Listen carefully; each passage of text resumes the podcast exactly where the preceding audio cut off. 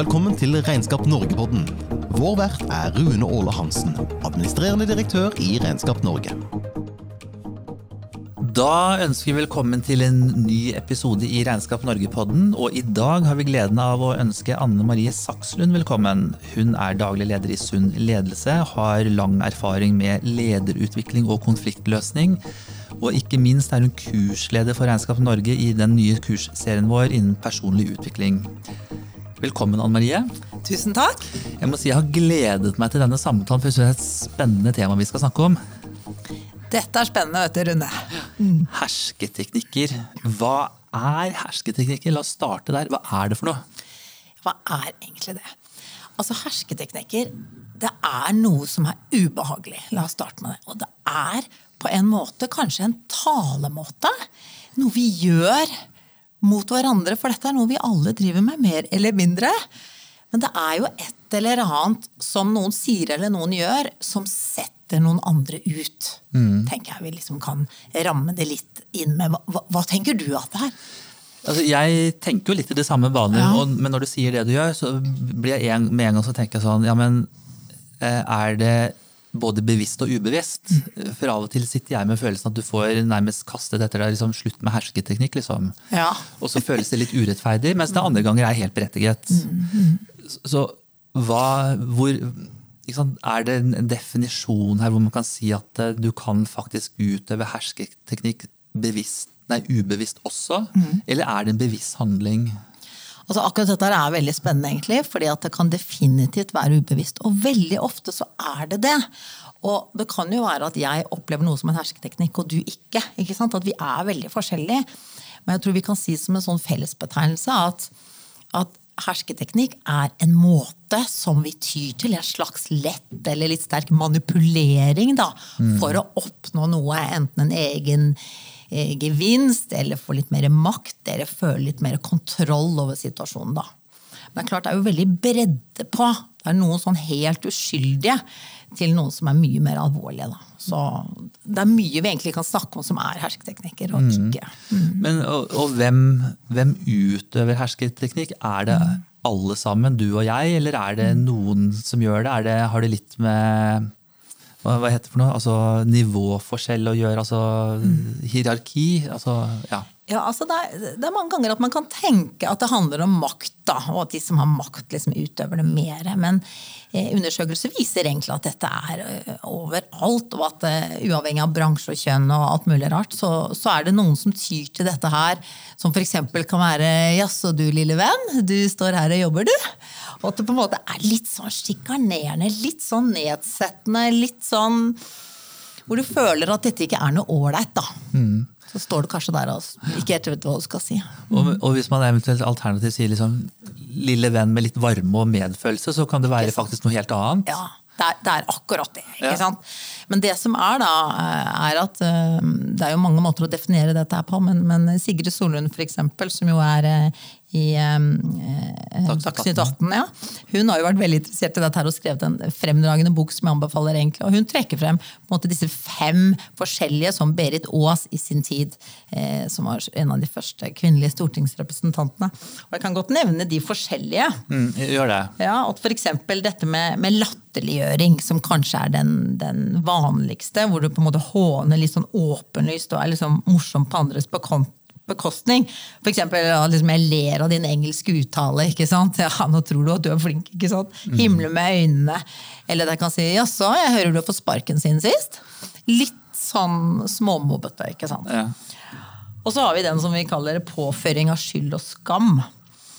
Og det er jo så veldig så kjent eksempel da, fra to stykker i Sverige visstnok før en sånn politisk debatt. da, Hvor de satt på bakrommet, og så sier den ene til den andre men jaså, jeg lurer på, har du lagt på deg litt? Ikke sant? Er litt sånn der ja. syrlig greie som, som er typisk sånn maktovergrep. ikke sant? Som er egentlig en litt sånn ærekrenking, kan det jo også være. ikke sant? Um, og så har vi den som vi kaller usynliggjøring. Og Det kan jo være for hvis du er i et møte og noen bruker et sånt stammespråk ikke sant, som ikke du har hørt i det hele tatt, og du føler deg skikkelig utenfor.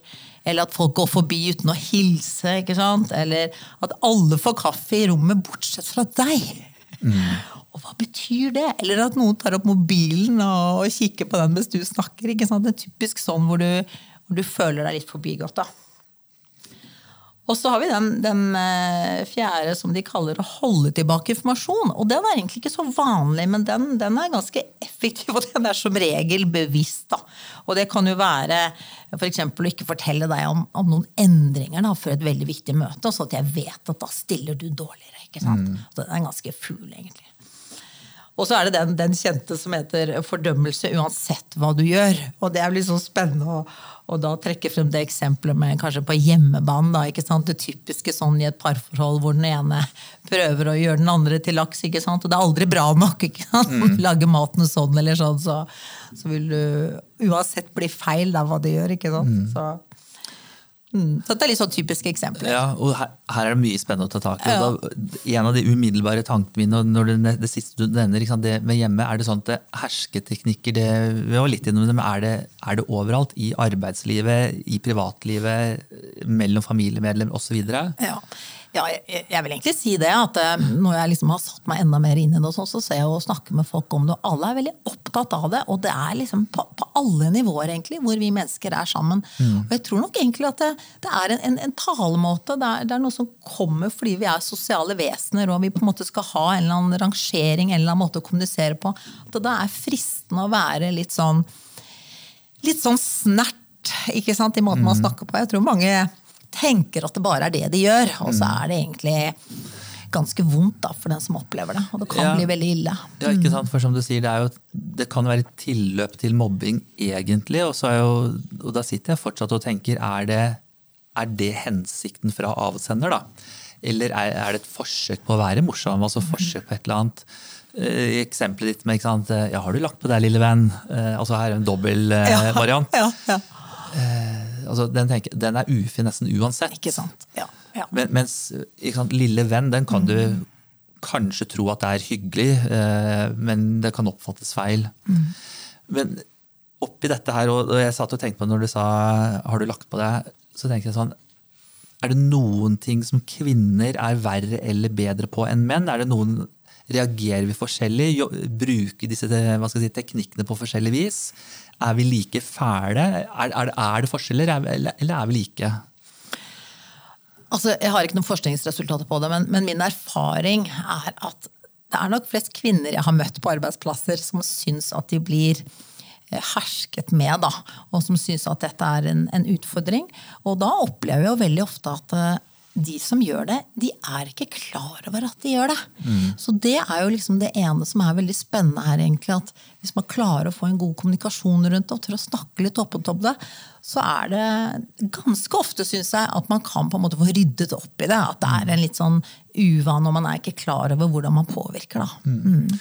Ja, og Det bringer oss litt over til hvordan skal vi da håndtere herske, hersketeknikk eller hersking. altså Hvordan identifiserer vi det, og hvordan håndterer vi det? Mm.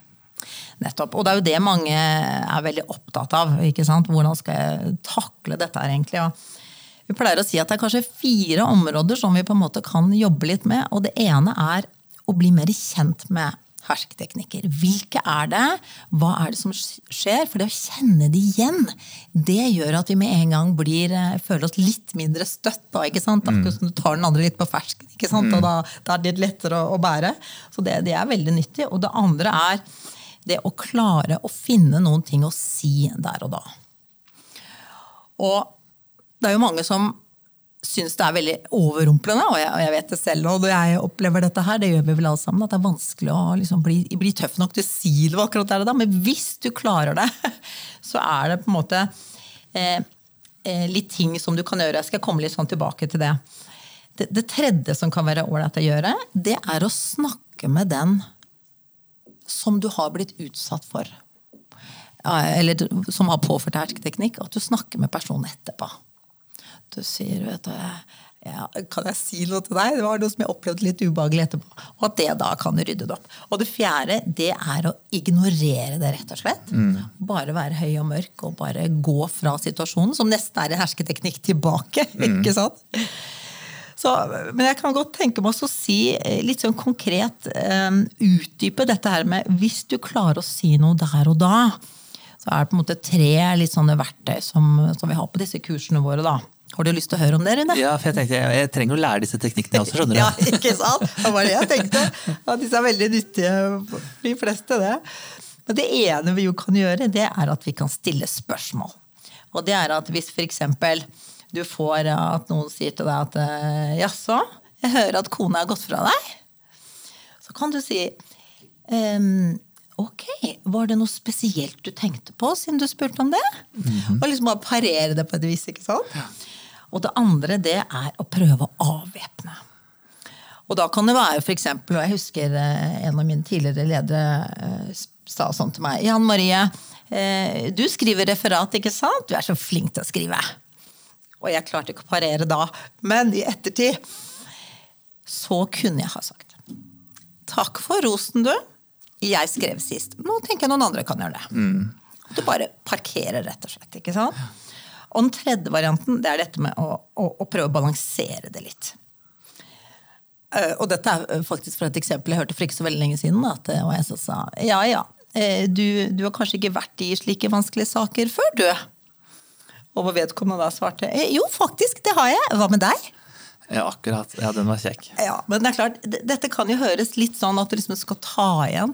Og jeg, jeg legger jo på litt nå, men jeg tenker at det å bare ha noe å si, og bare komme med en sånn liten tilbakemelding, kan kjennes veldig ålreit Mm. Ja. Men hva tenker du det om det å svare tilbake med samme mynt? Mm, Altså, en ting er å parere, uh, ufarliggjøre, litt sånn som du har beskrevet Ja, nå. ja. En annen ting er jo litt den siste eksempelet ditt, på et vis. Og, og kanskje mer enn det også altså, virkelig svare tilbake. Hva tenker du om det? Nei, altså jeg, jeg er veldig glad du stiller det spørsmålet. Eh, og nå la jeg jo litt på litt med vilje. Og jeg tenker jo at det aller beste det er å parere på en så vennlig og rolig og nøytral måte som mulig. Sant? Sånn at du på en måte ikke tar igjen at det virker liksom litt dumt. Og jeg tenker, Men det kan være sånn som vi gjør på kursene våre, at vi øver litt, og da er det litt lettere når man liksom legger på litt eh, skuespill. ikke sant? Ja. At man da heller kan når man liksom har det inne, at man da kan trene litt på å være litt sånn nøytral når man har fått opp litt tryggheten på det. da. Men egentlig det, du, det jeg hører, er jo litt det rådet ditt å, å være litt stor, være litt raus. Eh, tå, altså tåle litt. Være, Nettopp. være Ja. den voksne, rett og slett. Da, Ja, egentlig. Ja, ja. Og, og som sagt så tror jeg veldig ofte at folk ikke er klar over at de gjør det. Så det å på en måte kanskje gjøre de klar over det på en ålreit måte, enten der og da eller etterpå, er, eh, det er veldig ofte mye gjort. Altså. Så jeg, jeg tror det som ofte skjer, er at folk lar det gå for lenge. Og, og over, for mange ganger, for mange episoder, de liksom har opplevd dette uten at de har klart å si fra, eller noen har hjulpet dem litt. Mm. For det er en annen ting jeg tenkte på, Vi skal gå litt videre i tematikken, men- men bare for å ta det, for du nevnte blant disse eksemplene, eller disse fem punktene til, eh, til eh, Berit Aas, Ja, ja. Så var det dette her med stammespråk. Eh, Og jeg tenker eh, Eller ofte så tenker jeg over, og det gjelder også i vår bransje, at vi har mye stammespråk. Og det blir for oss som er komfortable med det, så blir det naturlig språk. Og da, er jo, da blir det litt vanskelig noen ganger sant, når du er i dialog med noen, og så er det veldig automatisk stammespråk, og så sitter det en, eller kommer det en som ikke er fortrolig med det. Og da faller av lasset ikke sant, og ikke henger med. Og så er det ikke en intensjon egentlig. ikke sant, Du må holde en avstand, men det blir det likevel. Hvordan tenker du man skal håndtere det når man da ikke har dette stammespråket? Så jeg tror jeg vet hvor du vil nå. Eller jeg, jeg i hvert fall kan tenke meg det. Eh, og, og, og, og det som slår meg akkurat når du sier det, det er jo at det er klart at jeg som, som den deltakeren som ikke forstår dette her, også kan ha et ansvar. Og kan si eh, vet du hva, hallo, vet du hva, akkurat det språket kan ikke jeg. Kan ikke dere bare oversette det litt? Og ta litt eh, føringen selv, da. Og prøve å sette litt agendaen og gjøre de andre klar over at eh, disse bokstavene og dette her, jeg har aldri hørt det, men hva betyr det? Ja. Ja. Og, og jeg tenker Det har vel også litt med trygghet å gjøre. Og, at Absolutt. og skjønne det at det er faktisk greit å stille spørsmål. Mm. Jeg har gjort det sjøl noen ganger etter hvert. Jeg har ikke turt det alltid. Men det å, nettopp si at vet du hva, jeg kan forklare hva du mener med de bokstavene eller de ordene. Ja, Det er veldig fint du sier egentlig, og det er noe med å venne oss litt til å, å bare si det som det er. At det egentlig er den beste medisinen som regel, eh, hva, hva det nå enn det er. Bare du sier det på en vennlig og hyggelig og utforskende måte, så, så er det mye gjort. Men vi skal skli litt videre. altså Tematikken her er jo hersketeknikker, men det bunner jo ofte, vil jo vi si, det er vel min påstand i hvert fall, i konflikter. Og da blir jo litt spørsmål, for, for det første, er du enig i det? Men dernest, hva kan vi si om konflikter? Hva er det, og hvordan, eh, hvordan oppstår det? Hvordan håndterer vi det? Og da i perspektiv rundt dette med, med hersketeknikker. Altså konflikter. Mm. Altså, ja, jeg liker egentlig den overgangen. Eh, og, og, samtidig så tenker jeg at eh, vi kan se på det litt atskilt også. Men det som jeg ofte tror er årsaken til at ting blir liksom konfliktstoff, da, det er jo at vi diskuterer noe, og så begynner vi å bli veldig uenige. Og det, det kan godt være helt greit, men med en gang det blir litt følelser på, og med en gang det blir litt anklager, og med en gang jeg begynner sånn og Du gjør alltid det, du! Og det er bare så irriterende. Når jeg liksom begynner å, å komme med sånne påstander, mm. da er det kanskje naturlig for deg å gå i forsvar og si nei, vet du, det syns jeg er veldig urettferdig, jeg er ikke enig med deg i det hele tatt. Så er vi liksom i gang. Mm. Så det kimen starter jo ofte veldig uskyldig, egentlig. At det er en litt frisk diskusjon, og så begynner vi å bli litt ivrige, og så blir vi personlige, og så er vi i gang. Mm. Da kan det jo være hersketeknikk og alt mulig rart, men, mm. men mest av alt kanskje at vi begynner å bli litt ufine mot hverandre. og så så går vi i en, debatt, som vi kaller det da, i mitt språk. Der ja. hørte jeg det var et utropstegn. ja, ikke sant. Men, men, men, hvordan håndterer vi det? Altså, det er lett å sitte her og si at det, det starter uskyldig, og så blir det mye følelser. Og så blir, så blir vi så engasjerte, og engasjement er vi jo glad i. Eh, men hvordan skal vi håndtere det? Eh, hva gjør vi når vi havner i sånne situasjoner? Mm. Altså jeg tenker jo at det, det, aller viktigste det er at vi kanskje er klar over begge to. da. La oss si det er deg og meg, da, bare for mm. å bruke et eksempel. Og at hvis vi begynner å diskutere noe, så begynner det å bli litt sånn brennhet plutselig mellom oss. Så det er klart at da, da må jo en av oss si nei, vet du hva, nå tar vi en tammet, nå er vi litt ute å kjøre, er vi ikke det?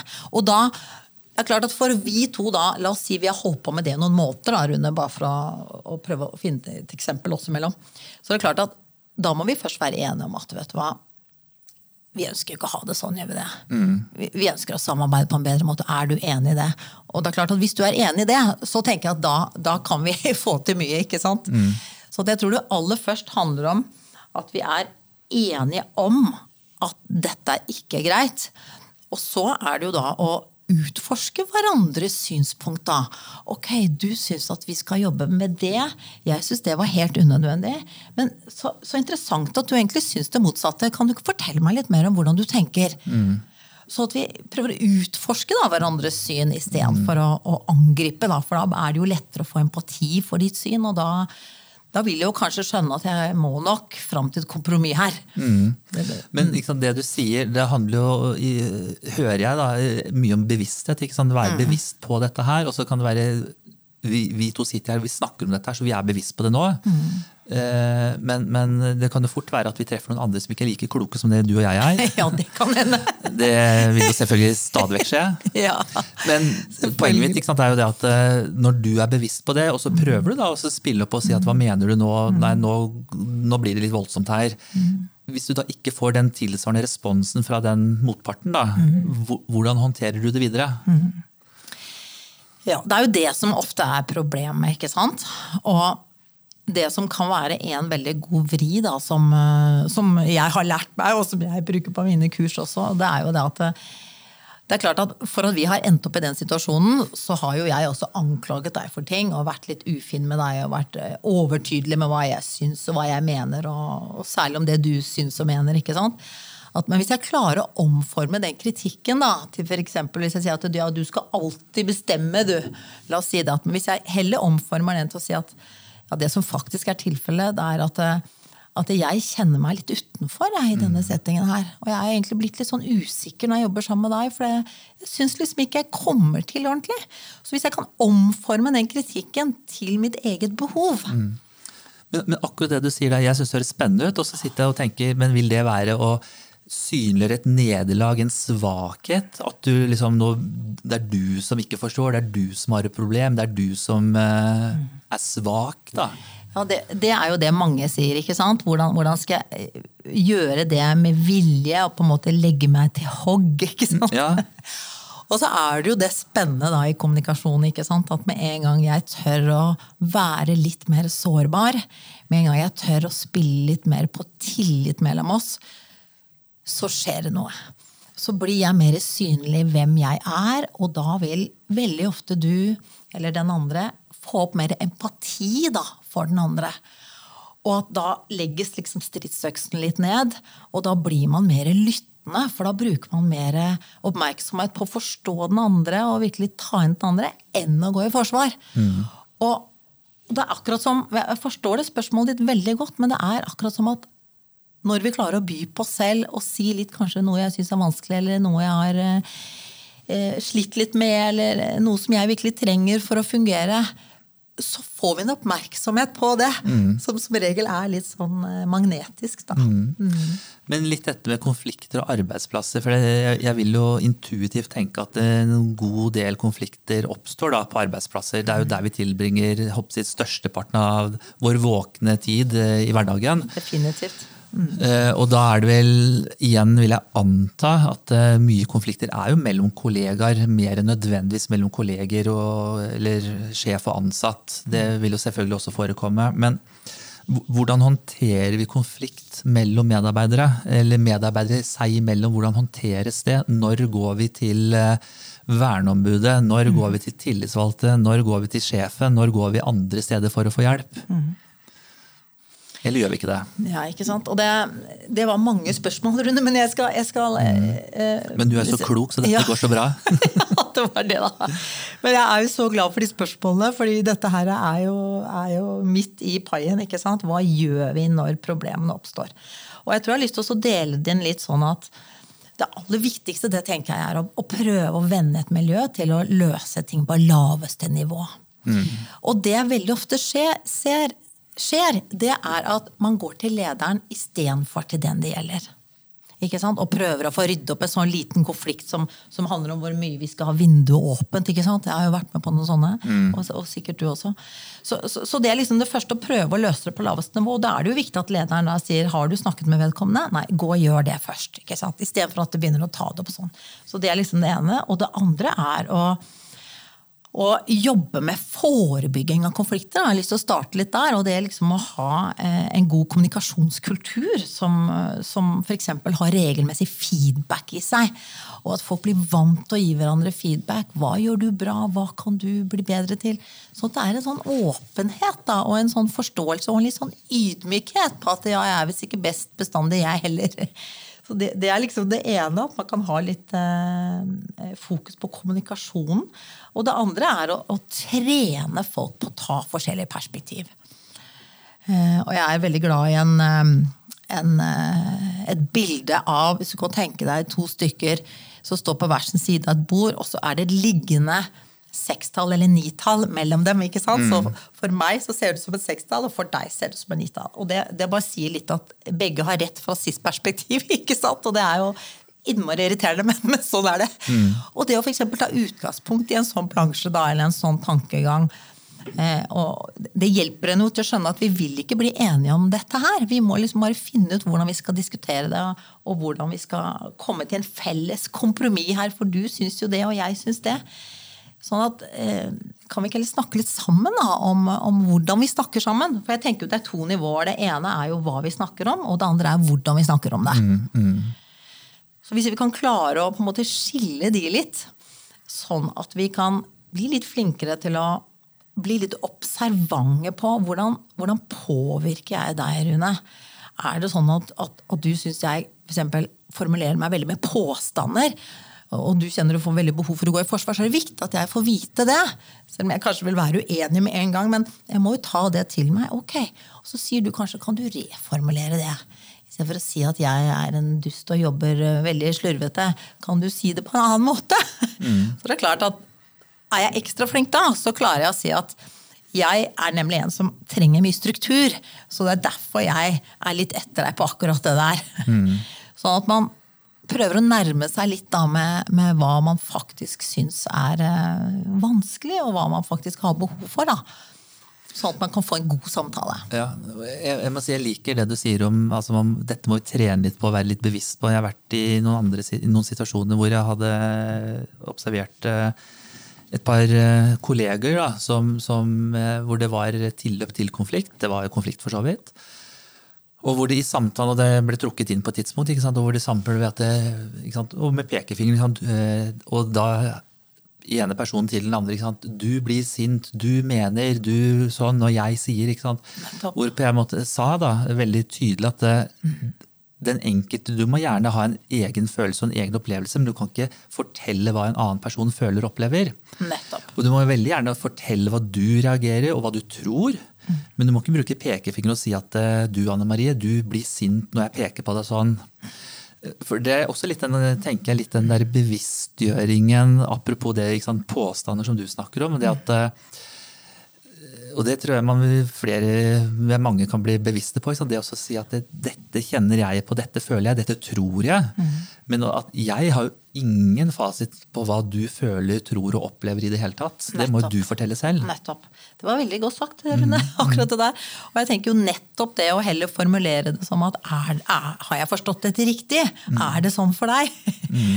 Det, det, er, det, er, veldig vesentlig. For man blir jo veldig provosert når man blir definert. Ikke sant? Ja, Det er vel ikke noe som er noe mer eh, Hva skal jeg si provoserende enn det. Ja. for det er litt tilbake til litt det ene eksempelet du hadde i stad. At eh, ja, du har vel aldri opplevd dette, er du? Jo, jeg har faktisk gjort det. Ja. Du vet faktisk ikke hva den motsamtalepartner eh, har av erfaring. egentlig. Nei, ikke sant. Og så, er det en annen ting jeg kom på når du sa akkurat det der. fordi at et annet måte, element når man blir litt trent i dette her. For jeg tenker jo all sånn kritikk eh, eller konflikthåndtering har egentlig en struktur da, i, i forhold til at man kan forstå at når noe gis som en påstand, så går den andre i forsvar. Men hvis man da klarer å møte den andre, selv om den andre kommer med en kritikk, hvis man klarer å møte den med noen harmoniske vibber, da, så mm. stopper på en måte den frustrasjonen. ikke sant? For mm. La oss si jeg sa til deg at eh, vet du hva, Rune, jeg syns at det er helt håpløst den måten du jobber på. Jeg er helt sånn rystet over dette her.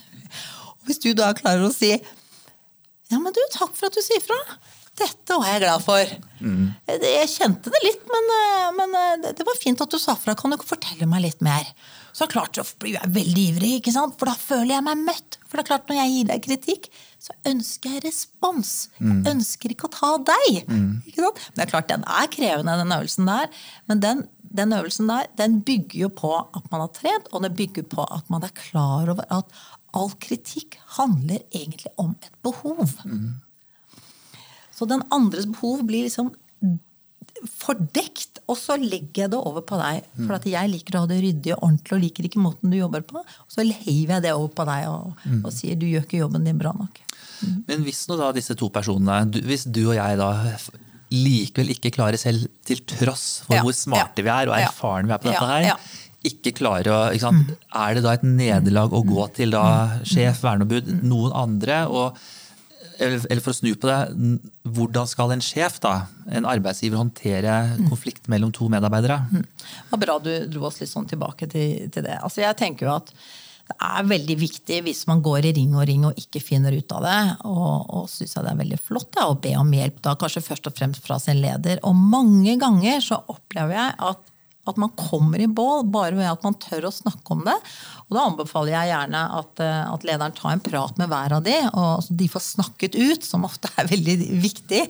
Og så setter de sammen og så prøver å, å megle og hjelpe de. Og veldig ofte så, så får de løst på den måten ved at de får litt syn ovenifra. Men det er klart at hvis ikke det går, og hvis det er veldig fastlåste konflikter, og vi vet jo det at konflikter eskalerer veldig fort mm. hvis ikke de blir tatt hånd om, og de blir, hvis de blir fastlåste, så er det kjempeviktig å trekke noe mer hjelpepersonell. Altså, om det er HR eh, eller eh, verneombud eller eh, noen utenfra. Det, mm. det, er kjempeviktig. Mm. Mm.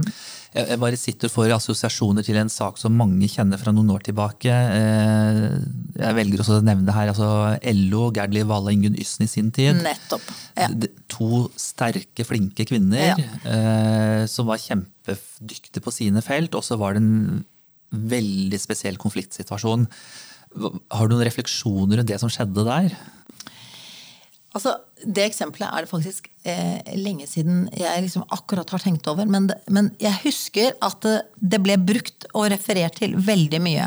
Og det jeg tror, uten at du må arrestere meg på det, det er at det som skjedde i det eksempelet der, det var at de begge to kom med påstander til den andre, og at begge to gikk i forsvar. Mm. Og at de kom i en sånn veldig uheldig situasjon. at de de rett og slett kom i en kjempedebatt, da, som jeg pleier å kalle det, som skapte motstand, og ikke klarte å komme i en dialog som da vil skape interesse og empati hos den andre. Og at de gikk da et fastlåst mønster og, og, bare kastet på hverandre. altså det ene og det andre. Og, da, og, og der var det jo toppledelsen sjøl. Det var ikke noe lenger Nei. opp å gå, det var ikke noe andre steder å gå. det var jo... Ja. Da ble det jo pressende, ikke sant? Ja. og det ble jo veldig stygt. Det der egentlig. Og da, det som jo ofte kan skje da, det er at man tyr til sterkere og sterkere lut, ikke sant? som ofte mm. er å uttrykke seg enda mer eh, treffende på den andre. da, så den andre mm. virkelig føler seg truffet. Og da blir det jo som i en rettssak at det blir hvem som har rett og hvem som har galt. Mm. Og det tror jeg ofte er en sånn veldig misforståelse i konflikter. at vi skal ikke egentlig finne hvem som har rett, men vi skal finne ut hvordan vi skal klare å samarbeide i og med at vi er uenige om dette. Ja, og Det er ganske bra, eh, altså viktig. Og jeg tenker de fleste, de færreste av oss er jo toppledere i LO. Ja. Ehm, men, men, men, havner da i mer Eller kan havne i Jeg håper de færreste gjør det, men i kollegakonflikt. ikke sant? Og hvis det da bare eskalerer og eskalerer, eskalerer, eskalerer, hvordan klarer vi å komme ut av det? Eller er det sånn at det, vi må erkjenne at noen gang kommer vi ikke ut av det? Ja, altså En sjelden gang har jeg vært med på at ting ikke kan løses. Men jeg, jeg må si at 99 eh, av eh, konflikter syns jeg kan løses. Eh, vel å merke hvis begge er interessert i at vi skal få et godt forhold, eller at vi skal klare å samarbeide bedre. Mm. De gangene det ikke går, så er det som regel at de, at de ikke er interessert i det, og at det egentlig er bunnlinjen. da. Men det er, det er, kanskje to ting jeg ser som, eh, som kan være sånne tips liksom, til hvordan eh, Så mange kan ha litt sånn effekt når det gjelder det med å, å løse en konflikt en er i selv. Da. Og det ene er å ikke gå i forsvar. Mm. Og, og, det er veldig lett å si, for det gjør ja, vi jo hele tiden. Ikke sant? Men kanskje ta seg selv på fersken, og, og det er jo det jeg eh, går jo noen sånne runder, jeg f.eks. på hjemmebane, og, og, og når jeg hører meg selv gå i forsvar, så vet jeg at nei, nå må jeg reformulere. Oi sant, nei, dette var, eh, og Mannen min er jo blitt ganske drilla på dette. Så, så da må jeg bare si at nei, det der må jeg ta om igjen. Så det er liksom en sånn Sier han da 'lille venn, nå må du høre'? Ja, det, det, det, Han prøver, men han har slutta med det. Og det, og det, andre, det er, som, som også jeg tenker er, eh, kan være litt sånn forfriskende, det er å se på dette vi holder på med, som et fenomen mer enn et problem. For da er det på en måte lettere kanskje å, å, forstå seg selv, at en kan gå i de fellene, eller at det er lett at jeg anklager deg fordi jeg er så lei meg, eller og prøve å forstå at det er dette som skjer når vi er sammen. Så interessant. Hvordan kan vi mm. se på det og forstå det bedre? Mm. Hvordan, hvordan, påvirker jeg deg, og, og, hvordan blir jeg påvirket, og, og motsatt? Mm. Mm. Vi har snakket mye nå om, eh, eller vært innom arbeidslivet, for jeg tenker det er veldig naturlig at det er der mye konflikter oppstår, oppleves. Eh, men det er klart, eh, det skjer jo ting i hverdagen ellers også. Og jeg sitter og tenker litt sånn noe, Jeg tror det største sånn eh, fenomenet i retten er jo naborettssak, altså rettssaker mot naboen. Eh, og så jo, håper jeg de færreste kommer dit. Eh, men det er klart, eh, vi har jo alle våre naboer, og noen er vi veldig glad i, og andre er vi litt mindre glad i. Hvordan skal vi håndtere hverdagsutfordringene, hverdagskonflikter og hverdagstrakassering eller hverdagshersking? Ja, Det er et, et stort, viktig spørsmål. Og um, jeg tror jeg vil sånn tilbake dit at um, la oss si at det er uh, to naboer da, som er uenige om et tre. Det er jo veldig ofte det det er. ikke sant? Og da er det jo én eh, løsning, eller to løsninger. ikke sant? Det er enten å ta det tre eller la det stå. Så det er på en måte en litt sånn vanskelig konflikt å bli enige om. Det litt, da. ja, ikke sant? Ja. Men det som, det som, veldig ofte er med sånn type konflikter, det er jo at man har begynt å henge seg opp i hva den andre sa, og hva den andre mente, og hva den første kunne finne på å påstå at dette handlet om min bestefar. Han sa definitivt ikke det. Altså Det blir sånn skittkasting frem og tilbake, og man henger seg veldig opp i eller henger seg opp i. altså Man blir veldig sånn person, føler seg personlig angrepet, og da er det veldig vanskelig liksom å komme ut av det. ikke sant? Så Jeg pleier egentlig også å anbefale at når det er sånne fastlåste situasjoner som det, at man da går og får hjelp, egentlig. Ja. Og da er, for da er det så vanskelig for de to selv da, å, å løse opp i det. Hvis ikke de da har tatt noen kurs og er interessert i å finne ut av det, så, så tenker jeg absolutt det går an. Og da er det jo rett og slett å ha en god samtale da, med litt annet innhold enn om vi skal kutte det treet eller ikke. Men hvem skal man snakke med da? Det dommeren, eller? Ja, altså, eh, jeg har sett veldig mange som går da til en tredje nabo, eksempel, eller om de har en de kjenner som har lyst til å snakke litt med de, eller, eller at de går rett og slett eh, Det går an å få noe mekling og, og liksom forskjellig. Og noen går jo rettens vei også. Ja. Ja, jeg tenker også For å holde fast litt på dette nabo, nabolagsspøkelset, hvis vi kan Ja. kalle det det. Det er jo, ikke sant, eh, Noen er med på dugnad, andre er ikke. Noen tar trappevasken, andre gjør det ikke. altså Det er alle disse tingene her. Og så, og så kan det være at det er én nabo som aldri stiller opp, og de andre gjør det mer eller mindre. Og så kan du få litt den derre gruppa mot den enkelte, f.eks. Hva tenker du om det? Altså, det jeg egentlig tenker på da, det er om vi nå er over på en vanskelig samtale. For jeg tenker at det kunne være litt nyttig da å kanskje se litt på noe eh, metodikk rundt det. Er det ok for deg? Det er veldig ok for Ja, meg. så fint. Jeg syns denne samtalen foreløpig går veldig bra. Ja, ikke sant? Foreløpig så går det veldig bra. Og, det er litt morsomt med akkurat det med den vanskelige samtalen. fordi ofte så kan vi heller kalle den den nødvendige samtalen, eller den gode samtalen som du var inne på nå. ikke sant? Og eh, det er jo liksom noen eh, teknikker rundt det. ikke sant? Men la oss si at det er en som ikke tar den trappevasken, da, ikke sant? og da irritert seg noe, noe fryktelig over det. Så, så er det altså en metode som jeg liker veldig godt, og som jeg bruker veldig mye, som faktisk heter ikke-voldskommunikasjon, av alle ting. Eller sjiraffspråket. Det høres lovende ut. Ja, ikke sant? Og der er det liksom fire punkter da, som, eh, som vi kan tenke på. Eh, Og da er den, Jeg skal komme litt inn på de, men de fire punktene det er eh, fakta. Det andre er følelser. Det tredje er behov. Og det fjerde er ønsker. Og hvis vi går da til denne trappevasken, og hvis jeg da skal snakke med Kari da, som ikke har vasket trappen på mange ganger, så kan jeg først eh, spørre, Det er jo viktig å berede grunnen og si vet du, jeg har så lyst til å ha en liten prat med deg. Passer det klokka fire? Kan jeg komme med kaffen? Sånn at du på en måte legger til rette for samtalen. Og så når vi kommer i prat, da, når det gjelder den én fakta, så er det viktig at, jeg, at vi er enige om faktum. For hvis jeg sier til henne f.eks.: Du, Kari, jeg har lagt merke til nå at de siste åtte gangene så, så har du ikke vasket trappen. Og hvis hun sier nei, det er bare seks. Nei, ok, de siste seks gangene. Sånn at vi i hvert fall er enige om faktum. Em, så har jeg lagt merke til at eh, trappen den, den er ikke vasket. Og så er det nummer to, som er følelsene. Og det er at jeg da bjuder på hva det gjør med meg. Og det er at ja, jeg, vet hva, jeg, blir, jeg blir helt sånn fortvilt, egentlig. Og, og barna blir kjempeskitne. Og, og det er så fortvilende, fordi den sanda går inn i leiligheten. Og, og, jeg vet liksom ikke min arme råd hvordan vi skal komme rundt dette her.